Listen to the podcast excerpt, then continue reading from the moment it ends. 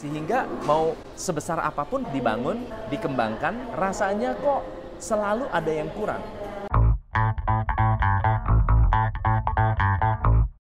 Topik kita hari ini adalah ada tujuh situasi atau kondisi yang mematikan sebuah bisnis. Tujuh kondisi ini memang bisa dikatakan terjadi tapi kadang-kadang tidak terasa.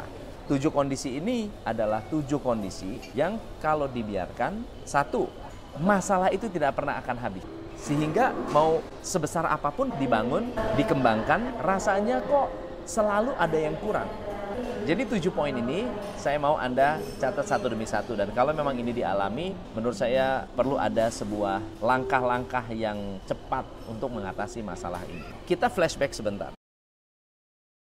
Di dunia ada sekitar 145 ribu bisnis yang dimulai, ada 137 ribu tutup.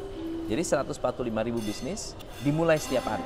Tiap hari ada yang mulai satu bisnis, satu bisnis, satu bisnis, 145 ribu. Oke, catatannya seperti itu. Yang 137 ribu uh, shut down the business atau stop trading. Yang menjadi menarik adalah setiap 10 tahun kita selalu melewati sebuah fase ekonomi boom dan setiap 10 tahun kita akan melewati fase ekonomi turun.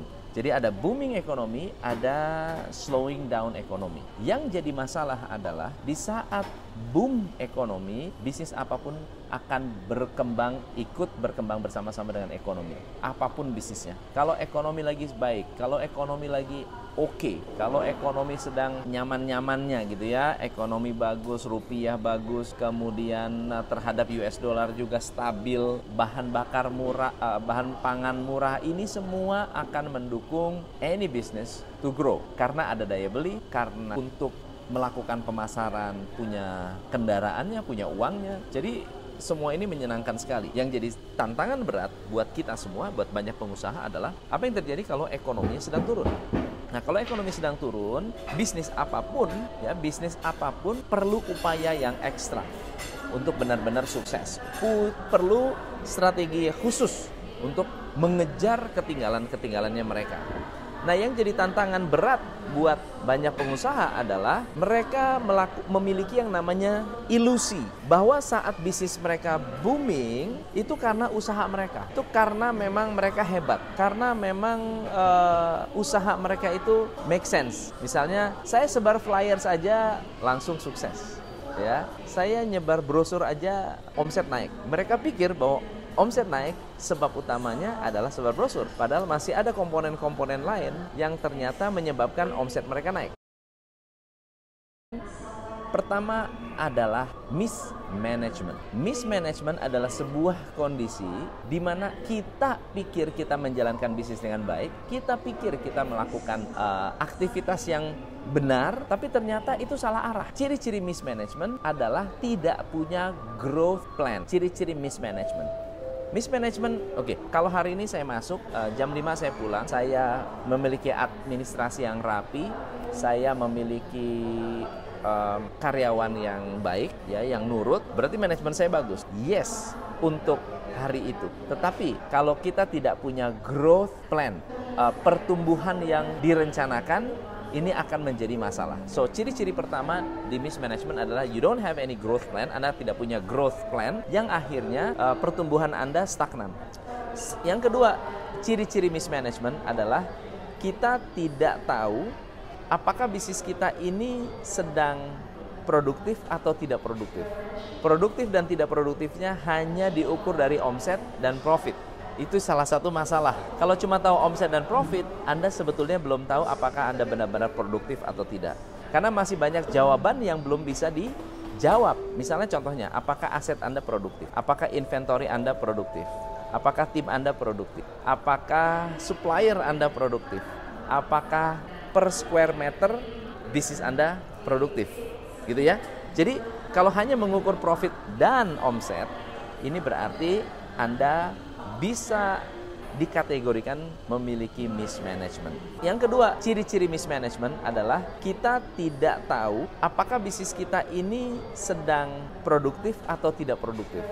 Produktif dan tidak produktifnya hanya diukur dari omset dan profit. Itu salah satu masalah. Kalau cuma tahu omset dan profit, Anda sebetulnya belum tahu apakah Anda benar-benar produktif atau tidak. Karena masih banyak jawaban yang belum bisa dijawab. Misalnya contohnya, apakah aset Anda produk? Apakah inventory Anda produktif? Apakah tim Anda produktif? Apakah supplier Anda produktif? Apakah per square meter bisnis Anda produktif? Gitu ya. Jadi kalau hanya mengukur profit dan omset, ini berarti anda bisa dikategorikan memiliki mismanagement ya hati-hati harus hati-hati karena kita tidak tahu apakah akan ada masalah baru atau tidak yang kedua, leadership tidak tegas terhadap aturan main. Faktor yang kedua ini kalau Anda perhatikan baik-baik, saya punya seorang leader, kalau ada karyawan yang tidak disiplin, tidak ada tindakan. Nah, tindakan itu tidak selalu harus punishment. Tindakan itu tidak selalu harus sifatnya marah-marah. Tindakan juga tidak selalu harus bersifat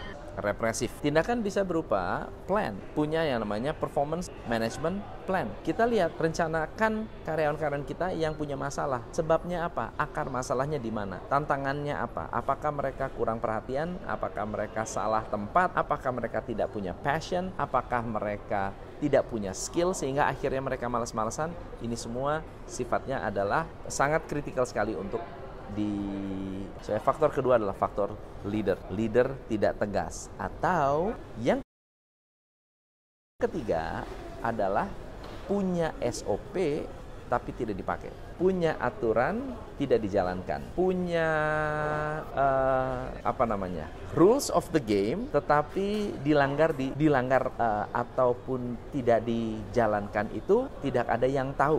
Dijalankan tidak dijalankan nggak ada yang tahu. Punya software tapi softwarenya tidak akurat atau hasil laporannya tidak akurat. Oke? Okay? itu udah faktor yang ketiga. So faktor yang ketiga tadi adalah bagian yang cukup uh, serius karena sudah lebih dalam di level operasional. Misalnya saya punya SOP tebal banget, tapi kalau dicek satu-satu dijalankan atau tidak ternyata nggak dijalankan. Nah, faktor yang keempat adalah tidak jujur. Nah, faktor keempat ini menarik. Hari ini kalau Anda tidak jujur dalam menjalankan sebuah bisnis, misalnya contohnya Anda tidak bayar pajak, Anda tidak bayar kewajiban Anda terhadap karyawan. Kalau Anda tidak jujur dalam menjalankan bisnis, sehebat-hebatnya Anda lari pasti akan ketang. Saya kasih satu kejadian yang sangat-sangat yang punya nasabah. Kasusnya sederhana. Kasusnya adalah pajak yang harusnya dibayarkan tidak dibayarkan, akhirnya asetnya di freeze. Oke, sehebat-hebatnya kita, kita tidak bisa lari dari pajak. Sehebat-hebatnya kita, ya, secanggih-canggihnya kita berbisnis, pasti kita harus punya uh, kemampuan atau kemauan untuk membayar pajak. Kalau kita nggak mau bayar pajak ya jangan bisnis. Wajar, ya namanya bisnis sukses, bisnis sehat,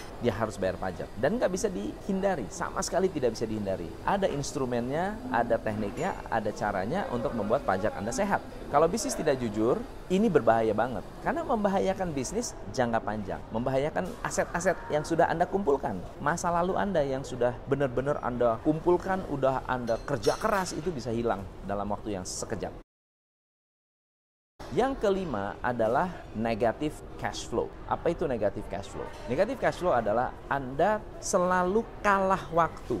Misalnya, customer belum bayar tapi kita udah harus bayar supplier customer belum uang belum masuk tapi kita harus sudah keluar uang lebih banyak lagi itu namanya negatif cash flow. Nah, Anda harus perhatikan baik-baik. Hati-hati dengan situasi ini karena negatif cash flow yang terlalu lama akan memaksa Anda untuk pinjam uang, pinjam utang ya Anda berhutang kiri dan kanan dan tidak menyelesaikan masalah makin besar Anda nyemplungin uang di bisnis Anda justru tidak menyelesaikan masalah justru akan semakin memperkeruh masalah karena akarnya tidak selesai oke okay?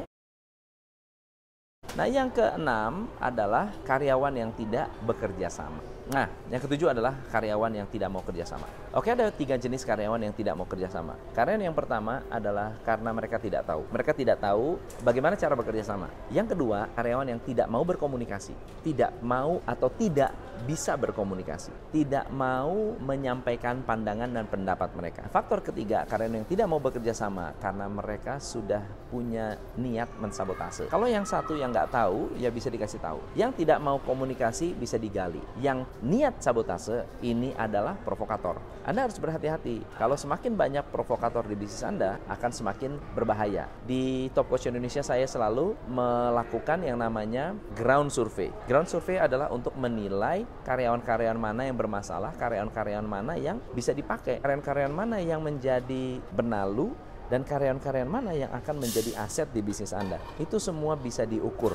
Dan kalau kita melakukan assessment atau coaching, coaching itu akan menilai sampai sedalam itu. Ya, kita akan mengetahui siapa yang kira-kira bagus untuk kita pertahankan, mana yang tidak bagus untuk kita pertahankan. Dan yang terakhir adalah mentorship. Tidak punya mentor. Banyak bisnis di luar sana yang sukses. Kunci besarnya adalah di mentoring. Ada mentor orang yang membantu dari luar yang bisa memberikan feedback secara konsisten.